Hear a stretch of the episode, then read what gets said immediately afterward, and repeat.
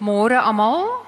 Baie baie welkom ver oggend by NB Uitgewers se gesprek tussen twee welbekende en geliefde skrywers. Ons het vir um François Verster wat die skrywer is van Omega oor en uit. Hierso is die boek en hy's daar agter, jy kan hom koop. Hy is al hy het al heelwat boeke geskrywe. Hy was eers onderwyser, later argivaris en staatsargivaris en op die oomblik Naspers se argivaris en ek sien op sy CV sê dit die grootste media maatskappy in Suid-Afrika, maar dit is eintlik die iets soos die 10de grootste media maatskappy in die wêreld as ek dit reg het. Groot in Afrika dink ek. In Afrika die grootste, ja. Maar ek wil 10de grootste in die wêreld is nogal iets. So. Hy het 'n doktorsgraad in kultuurgeskiedenis en hy was eers 'n onderwyser en hy is 'n skrywer. Hy het al 'n paar boeke uitgegee wat pryse gewen het en hierdie is sy mees persoonlike en ek dink interessantste boek tot op hede en hy verkoop baie goed. So ons is baie trots op hom. Hy gaan gesels met Dana Snyman. Ehm um, ek dink nie hoeveel oor Dana te sê nie. Julle sien hom selfs deesdae op televisie. Ons geliefde skrywer Dana Snyman. Baie dankie.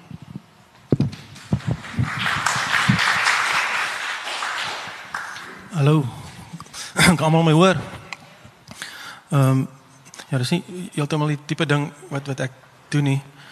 Ehm um, ek het nie enige literêre agtergrond in sulke goed nie. Uh ek het vir Frans wou toe my gevra het gesê ek kan nou maar net met hom kom gesels. Ehm um, Frans was 'n vriend van my. Ehm um, en dit is my regtig voorreg om met hom te kan gesels vanoggend hierso. Ehm um, want ek het so oor die laaste paar hoe lank is ons al vriende omtrent? 5 jaar. So 5 gesien waarmee weet wat 'n ou deurgaan met 'n boek.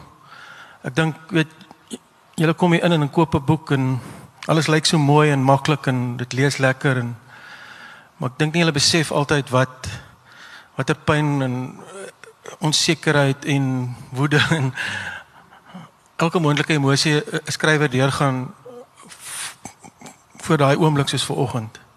In in Fransweg is deur alles.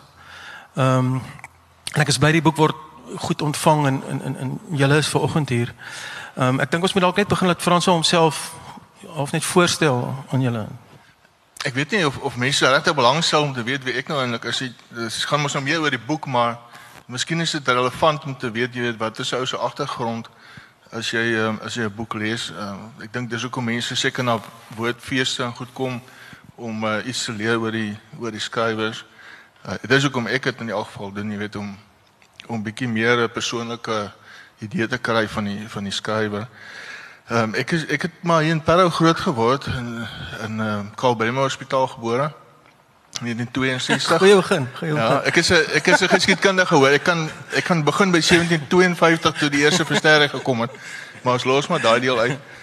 Uh Parow Wes Laerskool, eerstes op A-klas wat daar was toe die skool begin het, was ek in. En ehm uh, toe president hoërskool. Ons my ouers se huis was presies in die middel tussen twee skole. So dit was die naaste skole wat ons wat ek na toe kon gaan en my broer en my suster was ook daar. En en van kleins af het ek belang gestel in geskiedenis en in stories. Stories is eintlik maar waaroor dit gaan. Het, het iemand vir jou stories vertel of ja.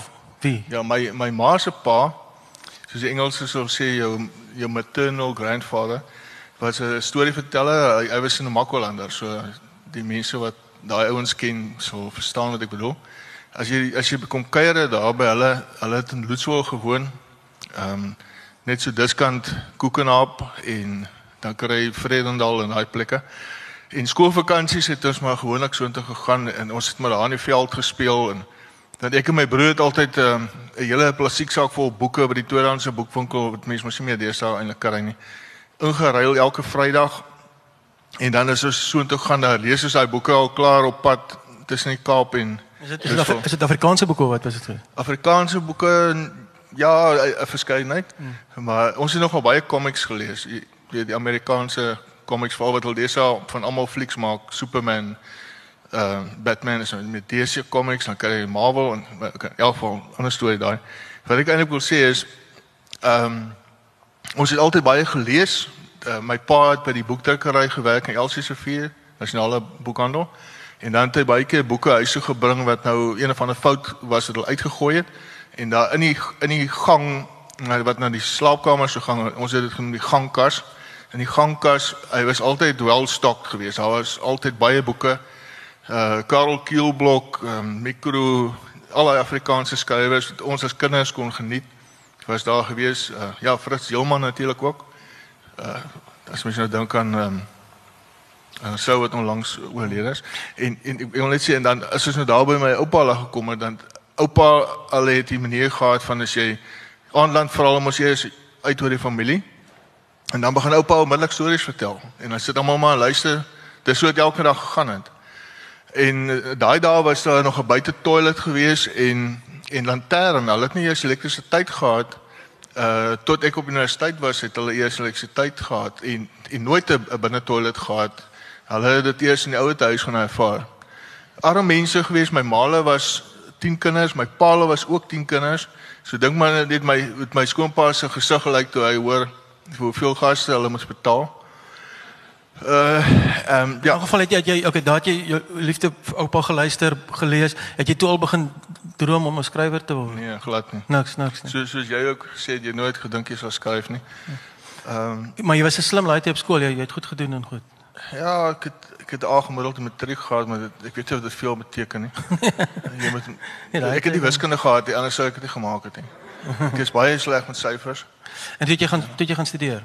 Ja, en ek het hiernatoe toe gekom, ek was lank hier gewees. Ehm um, daai dae was jou het jou studente nou met begin met die jaartal wat jy eers jaar was. So myne het met 80 begin 1980 en toe ek my doktorsgraad gedoen het 2003 daar rond toe ehm um, vra die een my skielik by die biblioteek van eendag en het jy nou al iets intussen deur gekom. Of probeer jy nog steeds? Ja, en ja. En wat het jy jou doktorsgraad in geskiedenis gekry? Uh ek het in kultuurgeskiedenis. Hmm. Jaco wat daarvoor sit, het saam met my by die staatsargief gewerk later en hy het eendag vir my gesê hy het uh, sy vorige toesighouer Matilda Burden ontmoet, professor vandag en sy het hom gesê dat die kultuurgeskiedenisdepartement miskien sou toemaak omdat hulle so min studente het en toe sê vir hom kom ons twee skryf in. En uh toe uh my my idee was geweest om te skryf oor die kunswerke wat so verniel en tot niet gaan en weggeberre word in ons kunsgalerye. Maar toe ek daar sit, sien ek daar's 'n paar vaktydskrifte met Theo Hannibal se prente op die voorblaaie. En ek haal van die rak af en ek instap na toe die vra ek vir is dit kultuurgeskiedenis? Want ek het geskiedenis gestudeer, nie kultuurgeskiedenis. Toe sê sy ja en toe sê ek maar dis dis comics, jy weet, dis spotprente en comics. Dis wat ek mee groot geword het, vir my ton as my pa se neef. En dese boonsaai is my ma se kant familie die De Waals. So ek kon nie eintlik anders kon ek. En ek en my broer het ook baie geteken en geskilder later. Ek het na ek my 100ste skildery verkoop het besluit ek gaan nou skryf. Nee, dan okay, ehm um, dit is 'n kwessie van toe ek by die staatsargief was, uh, het ek 'n departement eintlik soort van begin wat bemarking gedoen het. Die outreach departement, dis mos waarvan hulle praat in die staat. En een van die goed wat ek moes doen was om artikels te skryf uh oor argiewe, maar ek meen dis moeilik Want vir watter tydskrifte gaan mens nou daaroor skryf en as jy een gedoen het, gaan hulle nie weer vra nie. So jy moet begin kreatief raak en toe ek al hoe meer begin skryf en ek doen dit nou al vir 10 jaar vir die Bolander hierso wat julle sal ken in die omgewing skryf ek al 10 jaar van hulle begin af. Ja, ja, jy is 'n bietjie van 'n kompulsiewe skrywer. Want in die oggend as ek aanmeld, is daar altyd is altyd 'n wonderlike e-pos van van François wat omtrent al 5:34 die oggend gestuur is en dat hy klaar die koerant gelees en 'n mening uitgespreek oor min of meer alles van Zuma tot die stommers se se se, se nuwe slotpaar. Ehm um, wat wonderlik is. Uh, maar in elk geval toe jy uh, uh, jy toe nou jou doktorsgraad behaal en toe jy uh, vir 'n ruk onderwys gegee. En in watter tyd as jy toe weermag toe wat want ek wil uitkom met die boek want die die boek gaan oor jou weermag ervaring. Ja, uh, ek het in 1985 my onderwysdiploma gekry. En so 86 was ek ehm uh, oudsoring toe soos alle onderwys eh uh, studente is mos maar oudsoring toe vir die offisierskursus. En wat daar alles verkeerd gegaan het is, in die boek. Okay, maar maar toe jy jy jy toe jou en terwyl jy was jy was jy is nou grens toe is omega die eintlik moet jy dit sê vir die mense die, die omega kom van die omega basis af waar die waar die Boesmans wat die Boesman basis was bo um, in Namibië en hy hy jy jy was onderwyser daar. Uh, maar wat ek eintlik vir jou wil vra is terwyl jy die diensplig gedoen het, het jy toe al gedink aan 'n boek? Nee. Ek ek het al baie keer gedink dit sou goed gewees het as ek toe al geskryf het want ek het so baie ledige ure daar gehad. Ehm um, tussen jou onderwys ehm um, voorbereiding wat jy natuurlik gedoen het in jou klas en en so aan en ons het vir hulle sport afgerig waar ons kan. Die te loop die Bushman meisies het glad nie aan sport deelgeneem nie. Dis net nie in hulle kultuur nie. En ons het vir hulle die eerste keer 'n atletiek byeenkoms gereël. Ons het kalk uitgegrou daar uit die bosse uit. Dis 'n plek waar kalk was. Daar's gelukkig baie kalk daar. Al die paaie is so wit van die kalk. En ehm um, jy het 'n baan uitgemeet. Ons het dit vreeslik professioneel gedoen En ehm uh, dit is gesien van die seuns is is baie goeie atleet, natuurlike atlete natuurlik. Nie net vir lang afstande nie, verspring al daai goed.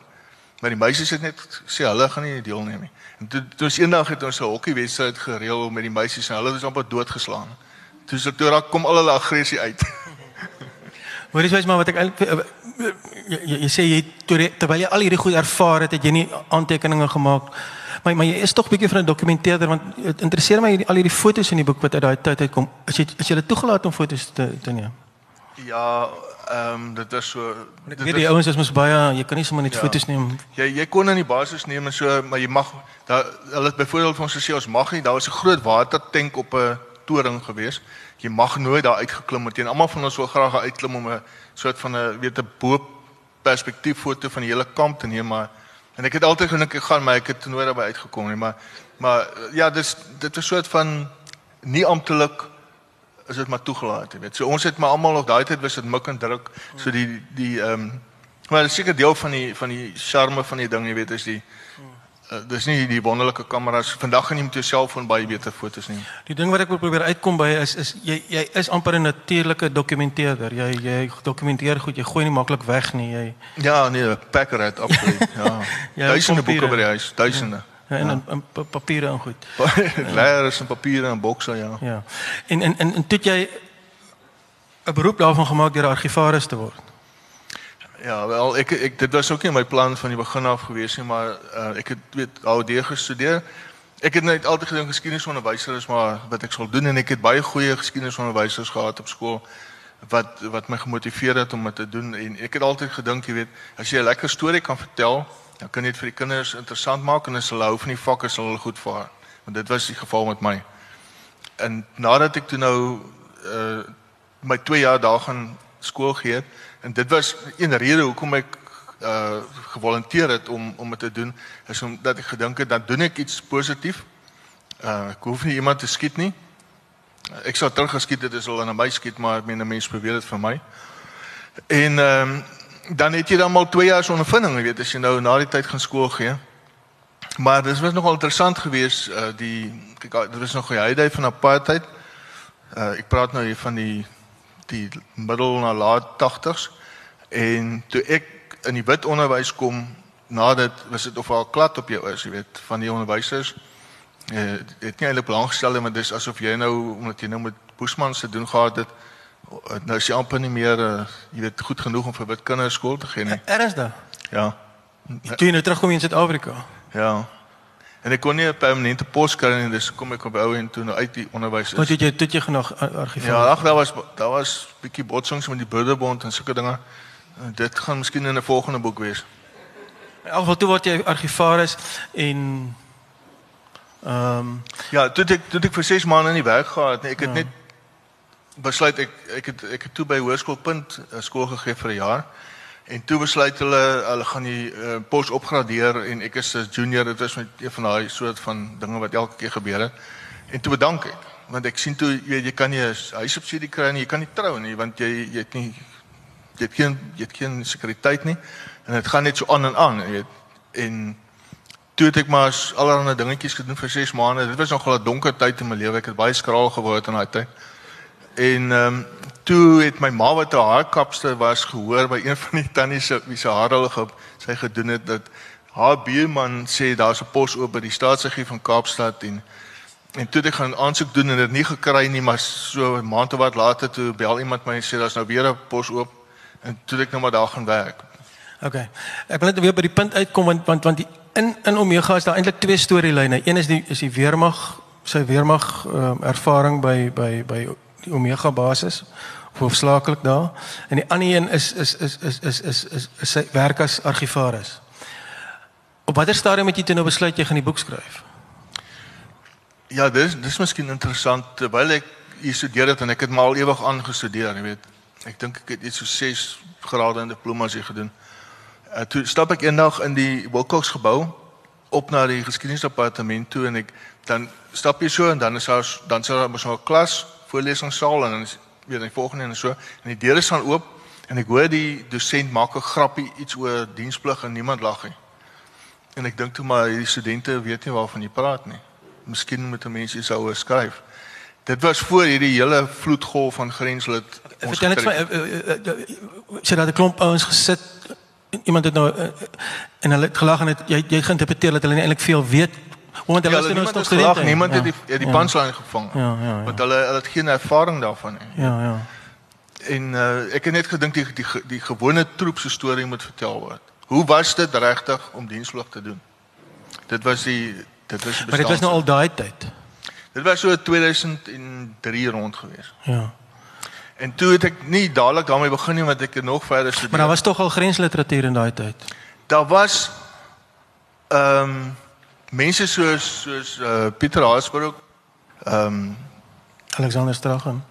Ekskuus. Alexander Strachan. Alexander Alexander Strachan, ehm um, Jaap Maree, ehm um, Etienne van Heerden. Daai mense het boeke geskryf, maar dit was few and far between geweest en ek dink dit is meestal romans. Ehm um, en eers met ehm um, Louis Botma se die Buffelstruikel het het het almal skielik begin nie almal skielik begin skryf nie, maar het 'n hele klomp mense begin weet om hulle stories te vertel. En hulle sê gewoonlik is 20 jaar na oorlog begin mense skryf oor oorlog. Dan moet eers 'n afstand kom. Uh miskien is dit ook maar nostalgie wat 'n rol speel, weet al daai soort van hmm. dinge. In my geval was dit 2007 het ek eintlik begin skryf en dit is toe ek na Naspers toe is. Hmm. En en het ook en van die begin af het jy het jy besluit het jy jouself eh, eh, jy het nog gekyk wat het die ander ouens geskryf het jy jouself probeer posisioneer in terme van dit of het jy net 'n eerlike storie probeer vertel? Nee ek het ek het nie gesien myself gesien as deel van die van die oewere of 'n genre altans van ehm um, grenslid nie. Ek wou net my storie vertel het. Ek het maar net gaan sit en begin skryf. En eh, ek het aanvanklik gedink ek gaan skryf vir die vir die jonger geslag. Soos ek sê hulle weet nie hoe dit was nie En soos ek aangegaan het, het daar 'n soort van 'n sarkastiese stem begin intree. Ek sou maar sê dit is satiries, maar dit is maar baie sarkasties ook. En uh het ek later besef ek skryf eintlik vir die ander ouens wat daar was. Nie so seer vir die jonger generasie nie. Hmm. Want dis vir my waar jou wat waar jou wat jou boek as mens dit moet meet aan die aan die sogenaamde grensliteratuur anders is. Jy vertel eintlik die storie van 'n van 'n navi troep. Ek weet nie of jy die woord navi ken nie. Ehm um, maar hy vertel die storie van 'n hy noem dit 'n opstandige troep. Ehm ja. um, en dit dit ja, dit is dit is dit is dis ding wat jy boek anders maak. Wil jy nie net vir die mense 'n idee gee in, 'n stuk lees? Ek dink daar's mos daai deel van die van waar jy hulle self met die uh, swart gemaak het of uh, uh, net lees in in, in die stemtoon. Ehm um, ek dink ek dink uh, baie mense gaan van die boek hou omdat daar baie humor in is. En so dis miskien verteenwoordigend van die Dis nog 'n ding wat jou jou boek maak anders as die die baie ernstige ja. straggens van Heerders. Ek ek het op 'n stadium aan Cat 22 gedink ek het gelees, maar ek meen ek is nie Joseph Heller nie. En 'n mens moet nie skryf soos iemand anders nie. En en die ander een boek wat ek miskien net kan noem wat my baie getref het oor oorlog, dis is en wat my negatief maak teenoor oorlog is natuurlik All Quiet on the Western Front. Ehm um, ek het skoon aangedaan as ek net dink aan hy boek want dit is verskriklik ehm um, dis 'n verskriklike goeie boek en hy sal honderde kere vertaal seker en weet oor en oor en oor elke jaar uh, ek dink elke jaar vandat hy verskyn het is hy is hy weer gedruk nog en dit is hier by 1929 rond. Maar dit is nie dieselfde soort boek as dit is hierdie nie. Goed, ek gaan vir julle 'n stukkie lees. So vertel net die konteks van die van die van die van van die stuk wat jy lees. Ehm um, ja, hierdie stuk is in basies wanneer wanneer jy dienspligtige is, gaan jy jou eerste uh 3 maande, ek is nie seker hoe lank dit was nie, was basies ons het nie so lank daar gebly ons groep nie, maar dit dis 'n spesiale geval gewees.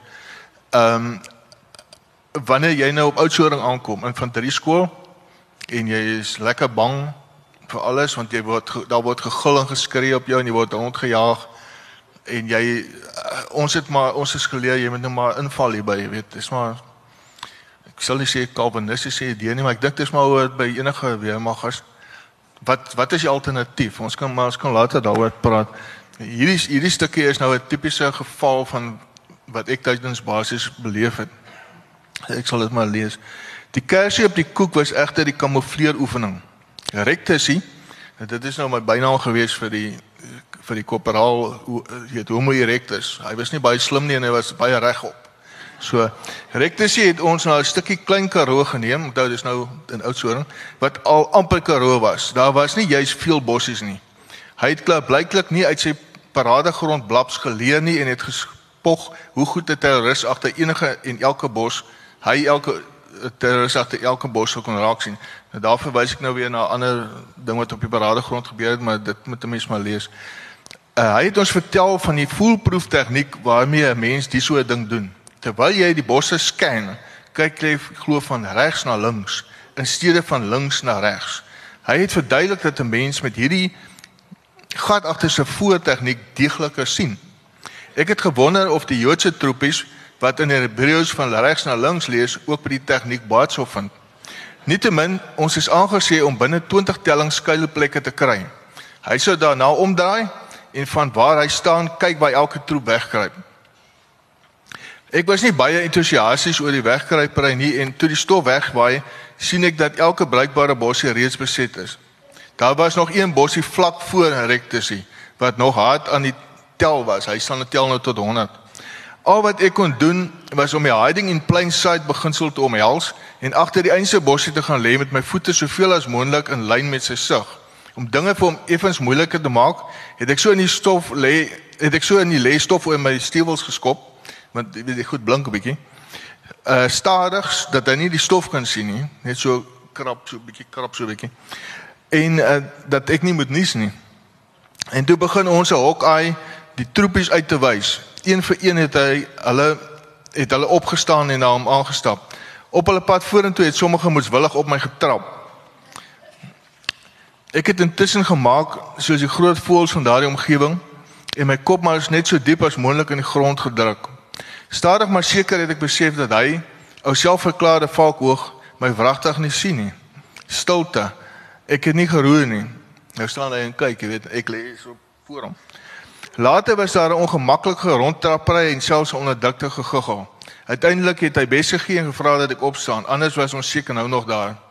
Sy verleentheid het hy daarom vir homself gehou en dit nie op my uitgehaal nie.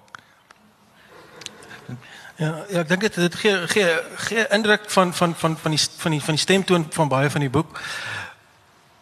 Sarkasties. Ja, sarka snaaks hoe dit ook al beskryf lig, maar dit is ook nie ligsinnig nie. Ehm um, uh ek weet daar daar's op 'n kol hierdie hierdie hierdie weermag tipe boeke gewees soos Klein Jan briewe en wat regtig baie ligsinnig was, maar jy jy, jy het, het eintlik 'n damn ernstige boek geskryf sonder om ernstig te klink. Wat my getref het toe ek dit die eerste keer gelees het is jy's nie kwaad nie. Ons almal is mos voorstel om verskriklik kwaad vir die army te wees.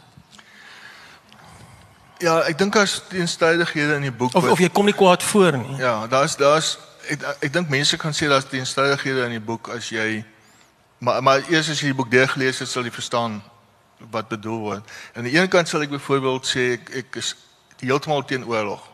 Want oorlog is vir my gelegitimiseerde massamoord. Uh en dit word deur politici bepaal en die die ouens wat aan die oorlog deelneem het nie sê dan nie. So jy word ingedwing in 'n situasie wat jy nie wil wees nie. Maar aan die ander kant, so mense my vra nou as dan nou as jy nou weer in dieselfde situasie is, sal jy sal jy weer diensplig doen en, en sal ek ja sê. Uh nie vir die huidige regering nie, maar as dit weer dieselfde situasie was. En miskien moet ek dan Wat bedoel jy met dieselfde situasie? Presies soos dit was. Dieselfde tydperk of ja, goed. Wat- wat Kom ons kom uit by die ja, kommunisme ja, ja. dan. Uh iemand het nou eendag my gesê, "So glo jy nou regtig daar was iets soos 'n rooi gevaar?"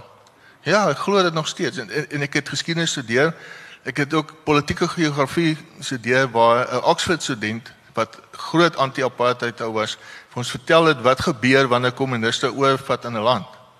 En as jy 'n oorlog het, 'n sogenaamde revolusie en daar is daar's wapengeweld met wapengeweld die die ehm die uh regering oorgeneem, dan werk dit nooit baie goed uit nie. En jy kan maar gaan kyk in Oos-Europa, hulle sukkel nog steeds om reg te kom.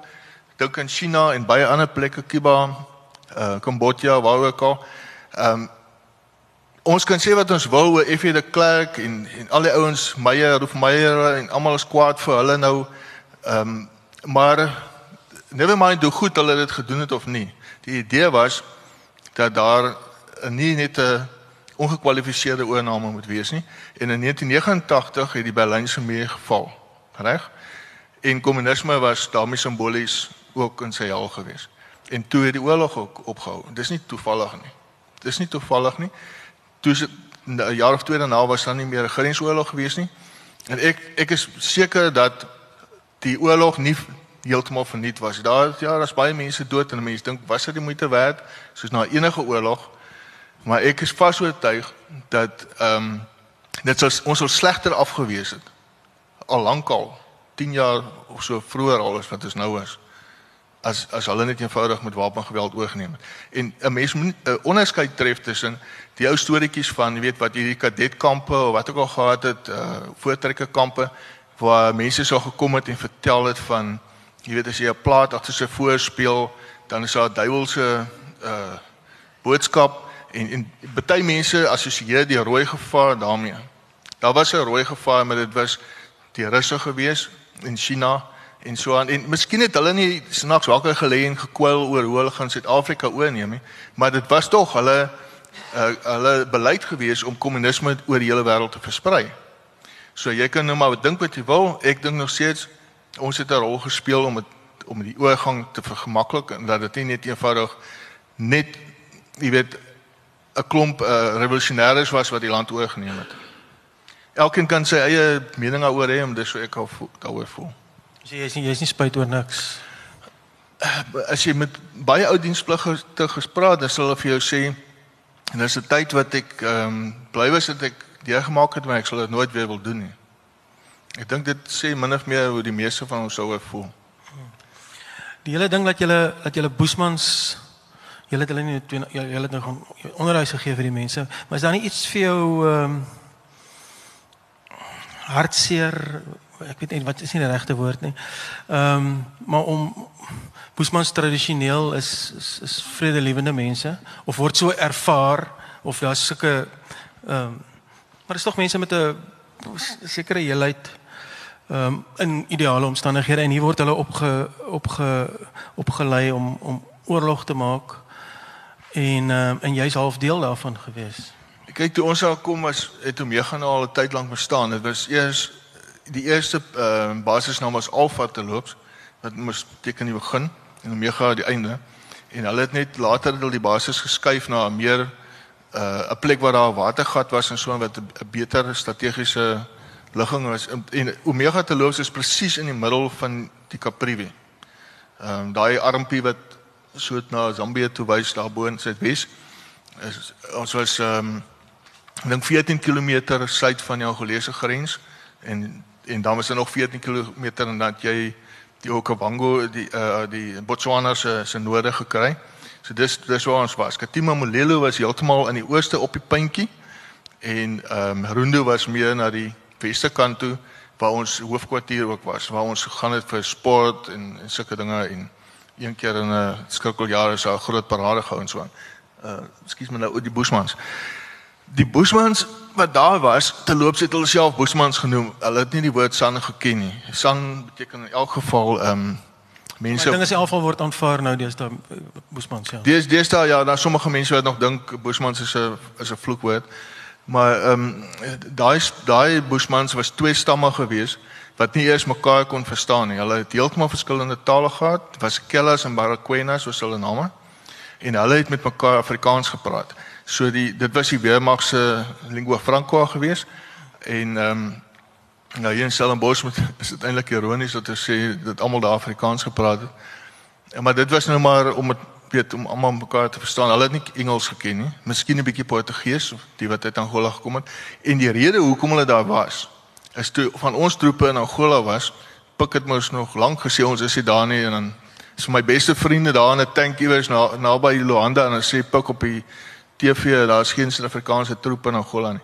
In elk geval ehm um, hulle was onderdruk deur die deur die swart mense daar en hulle het vrywilliglik saam met die Suid-Afrikaanse troepe teruggekom. Dit was vir hulle 'n beter opset geweest om daar weg te gaan en in die Kapriwe te kom bly waar hulle gedink het dit was baie lekker. Hulle kon nie verstaan hoekom ons wil terug gaan Suid-Afrika toe as ons klaar was met ons diensplig nie. Wil jy nie 'n bietjie een van daai dele wat jy dit uitbeeld uh, in jou boek uh, vir ons lees nie?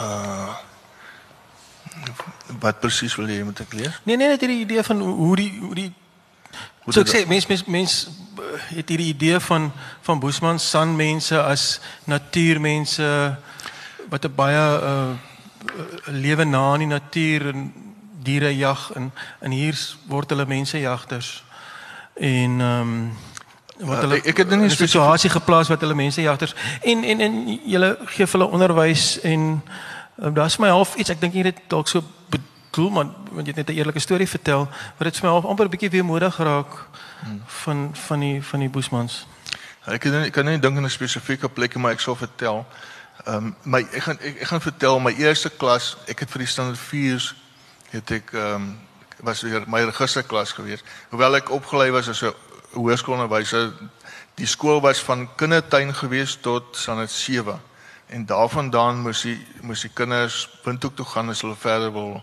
leer. En net 'n paar het ook. En jy moet onthou die ouers het geen skooling gehad nie. Jy het geen vrees gehad vir ouer onderwyservergaderings dat die ouers jou gaan gaan pak nie.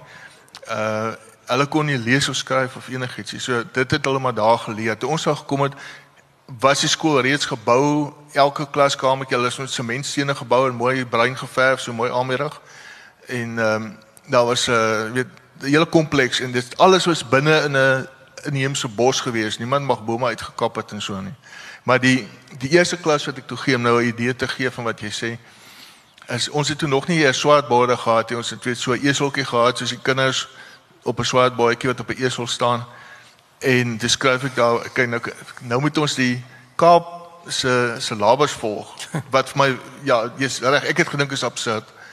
Uh daar was 'n bietjie Suidwesgeskiedenis agter in die handboeke, maar dit was hoofsaaklik Kaapse se labers. Oor Mai Rero en die Herero opstand en daai goed. En ek skryf bo aan die les 1, jy weet, die groot trek. en ek kyk hulle so en ek dink wat die hel het dit met julle te doen? En wat gaan julle hiervan verstaan? En hulle kyk my net so en daar's geen uh, hulle verstaan nie. Ek sê vir hulle, weet julle wat is trek? Ek dink dit behoort 'n Bushman te weet. Nee, weet glad niks. Toe moet ek nou maar aanpas, jy weet. Toe ek nou maar vir hulle eers konteks probeer gee en so. Ek sê, "Alraai, hier gaan julle eksamen skryf, maar ons sal ons sal sorg dat julle goed doen." Ons het hulle pak gegee ook, hoor. Maar dit was vir totale ongedissiplineerdheid. Hulle het geen dissipline geken. Dis nie deel van hulle kultuur nie. Die ja. kinders gooi die groot mense met klippe daar en lag almal. Verstaan, dit is heeltemal 'n ander ding. Maar toe ons al weg is daarna, was die slaagsyfer 80%. En die Kaapse salaris het eksamen geskryf uit die amptelike. En ek dink ons standaarde was baie goed want die uh die inspekteurs het daar met 'n vliegtuig gekom. Die skool was reg langs die aanloopbaan te loop. Uh en dan het hulle kom inspeksie doen twee keer 'n jaar en hulle het ons vraestelle vat as voorbeelde vir die vir die res van die dis nou die nie blanke onderwysdepartement gewees. Ehm uh, so ek dink ons was nie ons Alles in Afrikaans afgelê die, die Ja, dit is in Afrikaans gewees. Ja. Ja, en kyk Engels, hulle was nie groot in Engels nog nie. Daar was 'n Engels onderwyser. Die enigste Vrystaater in ons groep moes toe vir hulle Engels gee. dit was eintlik nog ons snaaks geweest. Hoorie, ehm um, was jy baie gaan jy daar terug na na na hulle plekke waar hulle op op die grens was, was wou jy al terug gegaan het? Jy was nog nie terug nie. Uh, die die eenheid het ehm um, ek dink is in Oktober elke jaar het hulle uh, byeenkomste gehad wat hulle kraai naweek noem en dan kon oud lede gratis kom. Jy moes net op Waterkloof kom en hulle vlieg jou soontoe. Maar ek meen 2, 3 jaar nadat ek al weg is, is die oorlog verby so. Blykbaar al wat nou nog is is die sementoppervlaktes waarop die geboue was en jy het geen kontak met van jou leerlinge of weet jy wat van hulle geword het? Uh, ek het maar op die televisie gesien hoe hulle rondgeskuif is deur die ANC. Oh. En ehm um, kyk, hulle was vyande gewees van SWAPO en van die ANC, so hulle was nie baie welkom. Oh. Ek dink hulle was in 'n baie moeilike situasie gelaat toe ons tot die oorlog verby is. As jy jy het geen jy weet nie nee, wat ek het, wonder jy soms oor hulle. Ja, nogal. Ehm um, ek dink hulle het hulle het gevoel ons het hulle in die steek gelaat, soos baie Suidwesters gevoel het. Hulle het gesê ons is maar net daar om die republiek te beskerm. Ons het niks gevoel vir Namibië nie. Wat waarskynlik korrek is. Uh ek het van die Bushman se kinders ontmoet toe ek by die staatsargief gewerk het. Ons het een aand ehm um, was daar 'n lesing gewees oor rotskuns. Toe ek by die bemarkingsafdeling gewerk het. En uh, toe praat ek bietjie met hulle. Hulle was toe hier so by die Weskus met daai Wesplek so. Ja, ja, ja. ja. En toe hulle hoor wie ek is, so hulle hulle weet wie ek is want hulle ouers het ons vertel van ons. En toe was dit nogal aandoenlik geweest. Maar jy kan sien dat selfs daai nuwe generasie was al reeds baie meer verwesters natuurlik. Wie een van die snaakste dinge was is daar vliegtuig geland het met met uh, toeriste of so. Uh, en daar baie toeriste geland want daar was 'n hospitaal en 'n skool en dit en Omega was 'n 'n soort van 'n vertoonvenster geweest vir die weer, wat die weermag aan die buitewêreld gehou het want kyk hoe oulik is ons, kyk hoe goed is ons nou vir die Bushmans en uh, dan dan as 'n vliegtuig kom land dan hardloop hulle agter die reteinings in en trek hulle uh, hulle uniforms en hulle stewels uit en dan trek hulle hulle velklere aan en 'n gemaklike goue vuurtjie daar en dan sit hulle kamer daar om die vuur. En kom neem almal fotos en gee hulle geld en as die ouens weg is dan trek hulle weer hulle uniforms aan en dis klere wat hulle elke dag dra het. Hulle was in die weermag. Dis hoe dit was. dis hoe dit was. Dis wat hulle geken het. Hoorie, ehm um, en ek laat jy dit net eerlik vertel. Het, want ek dink so ding so vertelling in 'n lid van open nee, maar ek dink ek seker goed sê nie. Sulke vertellings in in ander mense se hande kan baie maklik 'n politiek korrekte vertelling word waar ouens dinge probeer beter laat klink as wat dit was en allerlei korrekte terme gebruik. En goed in in Frans word dit net eerlik geskryf. En so 'n wonderlike ding van eerlike skryfwerk dink ek is uh, mense kom dit agter. Jy weet net as hierdie ou eerlik was en daarom gaan jy hom nie veroordeel as 'n as 'n rasis nie want party van daai stukke wat hy geskryf het kan jy lees en dink jy oei oei hier gaan Frans 'n bietjie kwaai. Maar omdat die hele vertelling eerlik is en in 'n gees van eerlikheid geskryf is, kan jy dit kan jy dit verstaan. Ja, ek dink 'n mens moet tyd gee en ag neem, jy weet. Uh, dis dis een ding in geskiedenis wat 'n mens Maar jy jy het net 'n eerlike vertelling geskryf. Jy het nie probeer Nee. Nee, kyk uh, as die boek uiteindelik by 'n uitgewer uitkom, sal hulle ook kyk na daai soort van ding, nee. En maar ek ek meen ek dink jy aan my ek dink ek is 'n rasis nie. Ek ek is iemand wat almal dieselfde behandel of dit nou Zuma is en of dit of dit Dana is. En daar daarom het ek baie in moeilikheid gekom met my seniors want hulle wil seker met meer respek behandel gewees. Maar dit is maar hoe ek groot gemaak is. dink jy ook dis hoe 'n skrywer moet uh, Ek dink so ja. Ja, en jy is heeltemal reg daarna. En ek meen dit is in jou eie skryfwerk ook ehm uh, waarneembaar dat as 'n mens moet nie die leser se intelligensie onderskat nie. Selfs al skryf jy vir kinders. Dis ja. die beste om eerlik te wees, jy weet. En, Wil jy probeer nie kruip ergens nie. nee, nee wat. Nee. Maak jy lekker stories nie. Nee, wat ek ek kan onthou een van die keerders die boek was eers by 'n ander uitgewer gewees wat baie lank op gesit het en toe kom ek later agter hulle soek net verskonings om nie die boek uit te gee nie. En uh, die ek, elke keer as die keerders verslaan na my toe gestuur en die eerste keerder het het daar geskryf ek het so gelag dat ek gehuil het en op die grond rondgekruip het. En dit is nou die die humoristiese dele. Ehm um, en toe het ek natuurlik gedink, "Jippie, my boek gaan uitgegee word." En toe kom maar nog eene wat elke keer word dit sê hulle uh, dis word aanbeveel vir publikasie, maar kan ons nie dit of dat verander nie. En die derde persoon wat dit wat dit gekeer het, het vir my gesê, "Jou rassistiese onderrok hang uit." En ek dink dit is dit is waar nie. En die rede hoekom hy of sy so gesê het was ek het gesê die Bushmans is regte klein bliksems. Hulle is regte klein bliksems. Hulle is mense. Hulle is nie hulle is nie kaboutertjies nie. Hulle het geweier om hulle het op 'n stadium gesê hulle gaan ons doodskiet daar op die hulle was 6000 ons was 200. En die kommandant het ons so almal in die kerk bymekaar gekry en toe weet om te bid nou vir vir hulp hierso. En toe um, wat vir my baie snaaks is en ek beskryf dit hele toneel is die ou spesifieke persoon was. Hy's 'n regte militaris gewees en en hy vra nie vir God hulp nie. Hy gee hom opdragte. dit dit is soos hy die strekking van sy gebed was. maar ag ek dink nie hulle was hulle is regtig ernstig geweest nie. Hulle het baie keer die kinders ook vir ons gesê as as hulle nie deur kom, gaan ons kom skiet. En sê vir ons het ook geweer, dis reg, kom maar. Jy weet maar dit het nooit verder as dit gegaan nie. Ek dink ons het eintlik 'n baie goeie verhouding gehad. Daar was daar was nooit rassistiese goed nie. Almal is in die, in dieselfde uniform gewees. Onthou daar was kledingkorps mense gewees. Uh wat wat elke keer vir so 3 maande gekom het, dan kom er weer ander. Daar was uh Uwambus, Kawangus enige soort ras omtrent was daar gewees en uh in en uit beweeg en en daar was nooit 'n bekleierery. Ons het onder dieselfde stoete gestaan. Ons het dieselfde kos geëet. Maar so mooi jy sê daar was nooit bekleierery nie. En dis 'n oorlog. nee, on, nee, nee, ek verstaan wat jy bedoel. Ja. Ja, ja dis dis ironie van die lewe, né? Ehm um, net gou een ding, jy jy, jy het ook al 'n uh, harde pad deur gegaan met met jou manuskrip want ek dink jy het dit op al verloor of Ja, ehm um, terwyl ek nou daar skryf het aan die ding, ehm um, eendag toe Eh, dit besluit ek goed, ek gaan dit nou uitdruk. Ek gaan nou dit uitdruk eers keer en dan gaan ek nou dit lees. Gaan kyk hoe lyk hierdie ding nou, jy weet. Probeer die struktuur kry. Probeer 'n uh, eh, geheel beeld kry en so voort. Kyk of die hoofstukke daar min of meer ewe lank is en so voort. En ek druk dit toe uit en ek plak dit alles in die muur op. Ek het gedink dit is 'n vreeslike slim idee, maar is eintlik stupid want dit help jou eintlik niks. En maar nou daar sien ek nou ek nog 'n foto geneem, ek daar is my boek nou teen die muur en ek pak aan my so jy plak alles teen die minuut net om te ja, kan sien hoe dit lyk. Ja, daar's my boek nou. Maar, hoe, en en en is toe nou daar met met presiek vasgeplak en met al die blaaie. Alles ja. En toe was dit nog langer as nou. Daar's baie uitgesny. baie lekker stukke uitgesny. Baie maar uitgesny, maar ek meen jy moet 'n verhaallyn volg.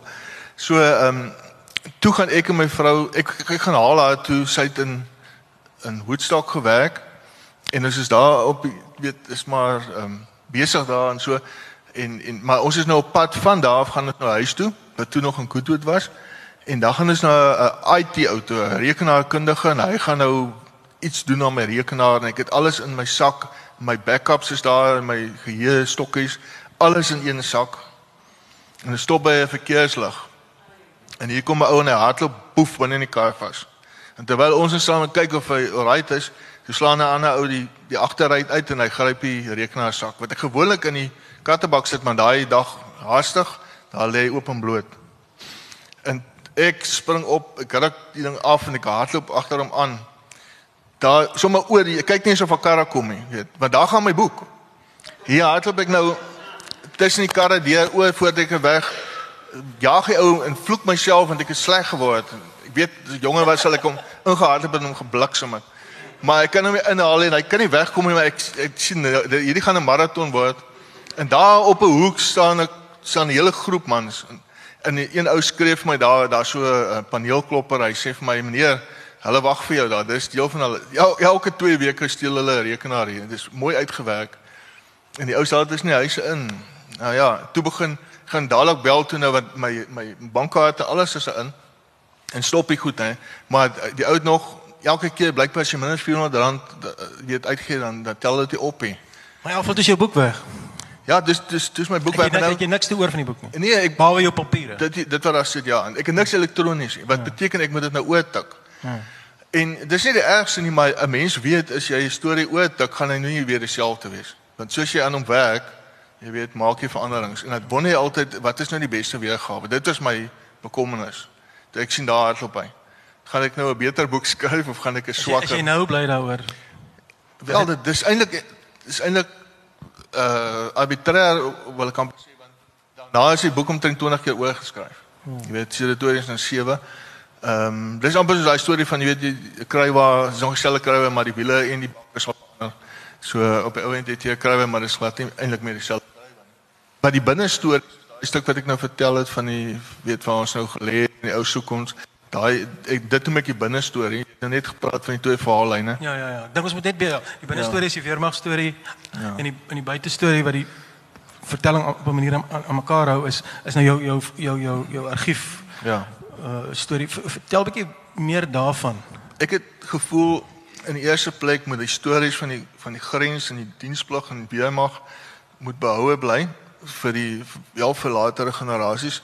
Ek is maar bekommerd oor die toekoms van Afrikaans om die waarheid te sê. Uh maar ons moet maar ons bes doen met wat ons het. En uh dan sou die groter storie wat vir my eintlik belangriker is is argivaris. Argivaris is ou wat werk met dokumente. Die oorspronklike dokumente wat in 'n argief is. En in die ou dae uh in die apartheidstyd sal ek maar sê, was daar die vier groot provinsies mos en elkeen het sy het een argief bewaarplek. In die Kaapstad een het die oudste argiewe van Desember 1651 op pad hiernatoe op die skip. En ehm um, daar miskien moet ek daai stukkie ook nog lees nê van wat daar gebeur het met daai vrou wat ja. Né? Ja. Of ja ja ja, we sê maar we sê jy wil jy wil nou teenoor die toe of ek wil dit kontekstualiseer in 'n ja. mate, maar ek wil ook sê dat daai stories is ook in gevaar. Daai stories is ja, Dis dis miskien dan goed dat jy ja. uh, we sê jy sinies Ek sien geskiedenis is 'n storie. Ek, die indruk wat ek amper kry is jy jy's jy's meer sinies oor die nuwe bedeling van nou as teenoor die ou weermag bedeling op 'n manier, maar mense kan nie so iets meet nie. Ja, ek dink mense het miskien sekere verwagtinge gehad. Ja. Ek dink uh, as jy kyk na wat kommentators soos Max Supre sê, is daar seker rede om sinies te wees. Ja. Maar daar's daar's daar's daai toneel wat jy in beskryf hoe oor hoe sekere groepe mense die argief ervaar het. Ja. Kom ek lees dit maar. Dis nou besoekers wat na die argief toe kom en hy beskryf daar nogal uh, 'n stuk. Ja, uh, deel van my vir my bemarkingswerk was om groepe deur die gebou te vat. Ons het maar beter geneem. Jaco wat daarvoor sit, het dit baie meer as ek gedoen. Maar in geval ek lees gou vir julle hierdie stukkie. Uh, hier's nou hier's nou 'n onderwysgroep van Observatory. Almal is swart ehm um, onderwysstudente en hulle kom besoek die argief. Dis nog gereël en uh, ek gee vir hulle 'n PowerPoint lesing voor die tyd in die in die uh, raadsaal voor en dan is daar 'n roete deur die argief wat julle die sekere goed nou wys en so aan hoe werk die hele argief. Want dit is soos 'n hele organisme wat werk. Die gebou waar 45 km argiewe geberg word. En ehm um, soos ek sê dit is dan van die oudstes af. Nou hierso sê ek brandkamer 3 was die laaste stop Dit was veronderstel om die hoogtepunt van die toer te wees. Hier haal hy in in hierdie deel het ek in 'n derde persoon geskryf. Ehm um, ek ek dink ons moet later daarby kom hoekom. Dit is nie baie tyd nie, maar is dit? Ja. Wow, mag tog. OK, kom ons lees gou-gou. Ehm um, hier haal hy altyd die oudste geskrif van Suid-Afrika met groot versigtigheid en nie 'n bietjie trots nie van die rak af. C1, die bundel waarin Jan van Riebeeck se beroemde gebed opgeneem is. Dat hierdie gebed eintlik destyds uit 'n voorgeskrewe gebedeboek oorgeskryf is, maak nie saak nie. Dit is in Desember 1651 op die skeepshuis na Suid-Afrika geskryf en is daarom die oudste geskrif wat betrekking het op die stigting van Suid-Afrika, soos ons dit vandag ken. Hy het die massiewe bundel stadig oopgemaak en sonder om aan die bladsye daar binne te raak, Al is dit met digte Franse sy oë getrek verduidelik wat die betekenis daarvan is. Geen een van die sowat 20 studente het eens sy oë geknip nie. Frans het ongemaklik rondgekyk en toe gevra: "Hey guys, it's 10 o'clock in the morning. Why are you so quiet? Not quite awake yet?" Een vrou het vorentoe getree. "Why did you steal our country?" Niemand het geroer nie. Frans het die bundel self toegemaak, op die rak teruggesit en gevra: "What do you mean steal our country? Did you wake up one morning to find out it was gone?" Why don't you just all die? Het die meisie hom toegesnou en uitgestap. Hy het die groep woordeloos by die gebou uitgelei en toe alleen na sy teekamer na die teekamer geloop. Dit was vir my nogal baie ontstellende ervaring. Is dit die rede waarom jy ons moet amper klaar maak? Is dit die rede waarom jy weggespreek staatsargief sulke dinge? Nee nee, dis dis nie regtig dit nie uh, ek dink net uh, dit uh, ou stol op 'n plek. Ek 17 jaar was heeltemal genoeg. Daar was daar was baie redes geweest. Hmm. Maar ehm um, ek het 'n geleentheid gekry en die hele tyd wat ek daar was, wou ek al weg. Hmm. Jy weet ek het nie lekker ingepas in daai. Dis uh die staatsargief is 'n is dit 'n snaakse atmosfeer om om dit eufemisties misties te stel. Ek dink ons laat dit daar. Ja. Uh, oor die toekoms. volgende boek. nee, vandag ek dink jy's mense wat wil vra vra. Uh die, die toekoms wat is jy besig aan aan iets iets volgende uh, Ja, ek, ek kan miskien net noem ehm um, Erika het gepraat van ander boeke wat hy geskryf het. Ek ek gaan net net vinnig noem. Ehm um, die eerste boek wat uitgegee is wat onder my naam was by African Sun Media en, en van hulle mense is hier.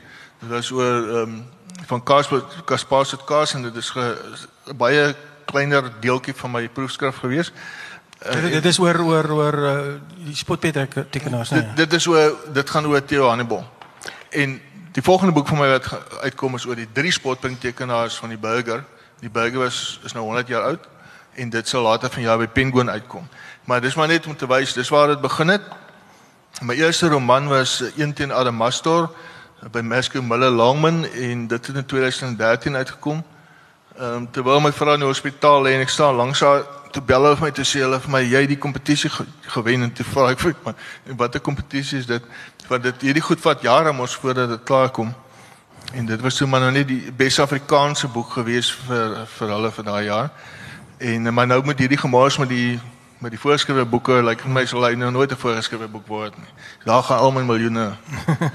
Maar en wat waarmee is jy nou besig? Wat volgende? En, en nou skryf ek 'n roman ehm um, gebaseer op my onderwystyd. Ek gaan nie weer 'n uh, ek gaan nie weer 'n memoir skryf nie. Ehm um, ek wil nou 'n roman skryf. Kyk hoe gaan dit. En ehm um, maar dit gaan sterk gebaseer wees op my onderwysloopbaan. En sy sy werktitel is net meneer.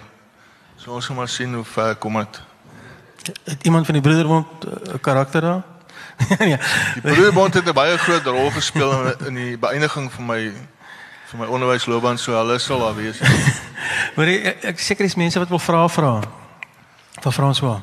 Ek het nie Kaap rond groot geword, ons het baie selfde ervaring dink ek agtergrond en so. Ek het in Malawi begin skool hou.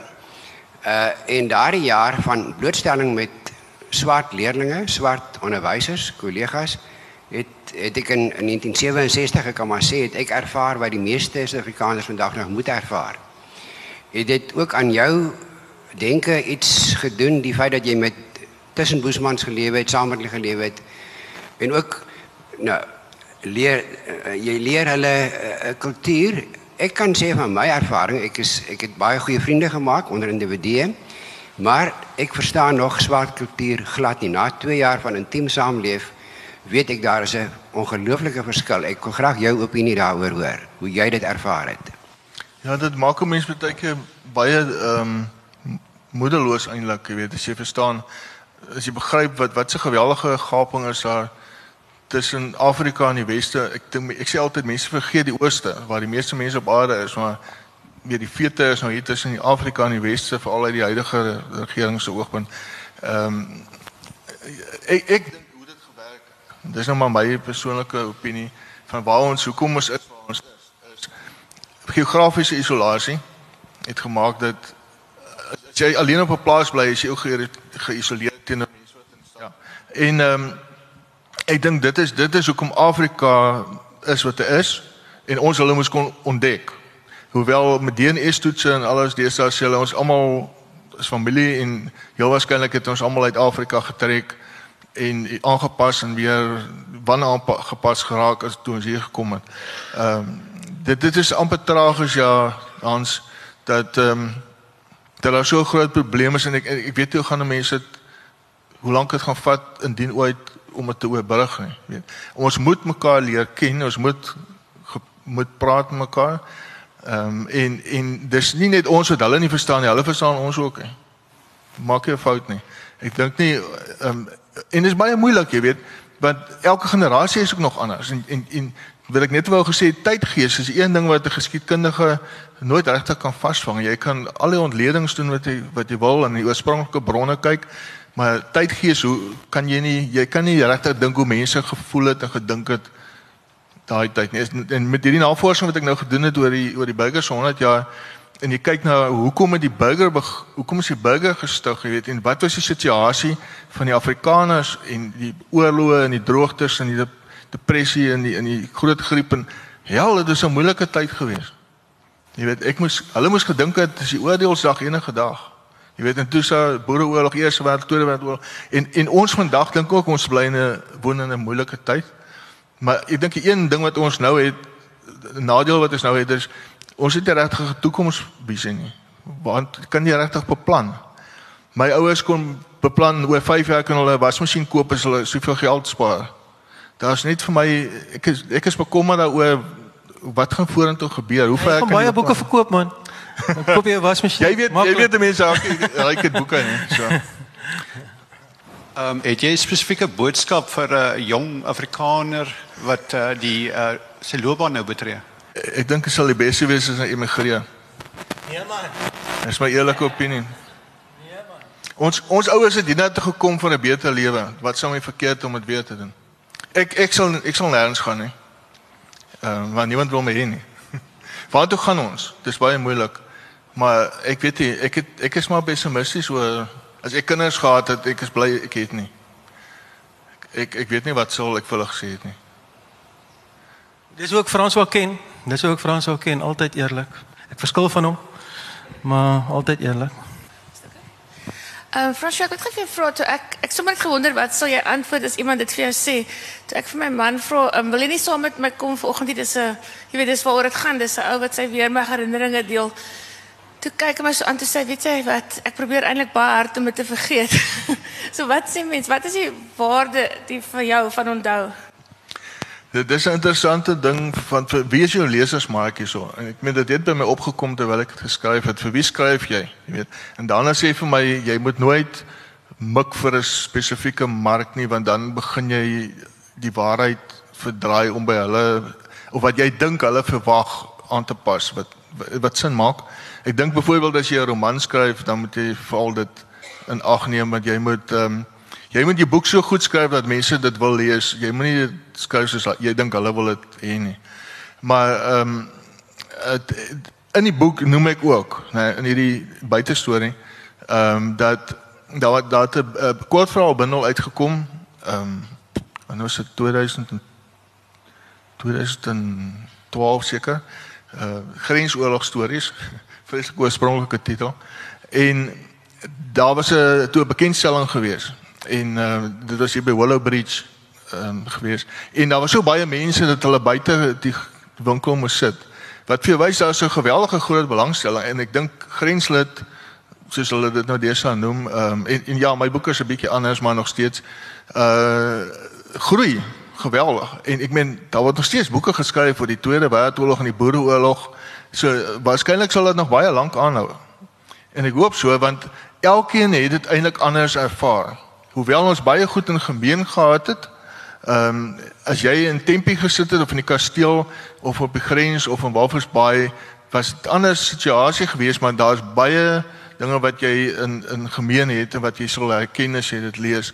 Maar wat ek wou sê van van daai geval is uh toe alles nou verby is en die mense koop nou hulle boeke en weet party vra teken hier en so. Toe kom daar een ou na my toe wat ouer is ek is, so hy het waarskynlik veel vroeër as ek diensplig gedoen. En hy was heel waarskynlik uh, in jy weet in gevegte betrokke, ek weet nie. En toe sê hy vir my teken hierso by jou kort verhaaltjie. En toe sien ek die ouers trane in sy oë en hy sê miskien sal hy eendag die boek kan lees. En dit het my nogal gevat, jy weet, aan my gevat en ek gedink, jy weet, dis ehm um, daar is soos jou man is daar mense wat probeer vergeet en dan se ander wat miskien 'n mate van katarsis probeer vind deur wel dit tog te lees, jy weet en kyk of jy dit kan verwerk want die meeste mense kan nie skryf nie. So jy as jy iets skryf en doen jy dit ook maar namens hulle wat nie dit self kan verwoord nie, maar miskien sou wou. Ek weet nie, maar dit is 'n baie moeilike ding en elkeen wat dit lees het miskien 'n ander agtergrond en 'n ander verwagting. So mense weet nie regtig vir wie skryf jy by hom. Hoe jy nie nog 'n vraag gevra het? Ehm um, jy, jy die sub opskrif wat jy hier is die storie van 'n opstandige troep. Nou ek wil jou graag twee vrae vra daaroor. Die eerste ding is wat wat in die tyd wat jy in die weermag was, het jou die meeste opstandig gemaak? Wat wat se wat se was dit 'n ervaring? Was dit 'n reeks ervarings geweest? En die ander ding, was hy iets positiefs wat jy daar uit kon kon saamvat? Ja, weet jy, dit is nou nog 'n ding en nie hoekom ek sê daar daar moes 'n uh, die ek die derde persoon gebruik het omdat baie jare later dan voel jy anders oor sake. Ek het die ek het nie baie tyd gehad vir die staande maglede uh daai tyd iemand Nee nee, is dit van hom maglede. ja. Nee, nie sommer in die vloot. maar ehm um, hulle het ons maar hulle het ons maar kak behandel hoor. I mean, let's face it. Hulle het ons hulle het ons gegrind. Hulle het ons gegrind waar nie nodig was om te grind nie. Soos op die laaste dag wat ons uitge uitgeklaar het, is ons nog 'n keer om die basis laat hardloop en dan dan soos vuil van die stofgoednis, dan word ons uitgeskel omdat ons vuil is.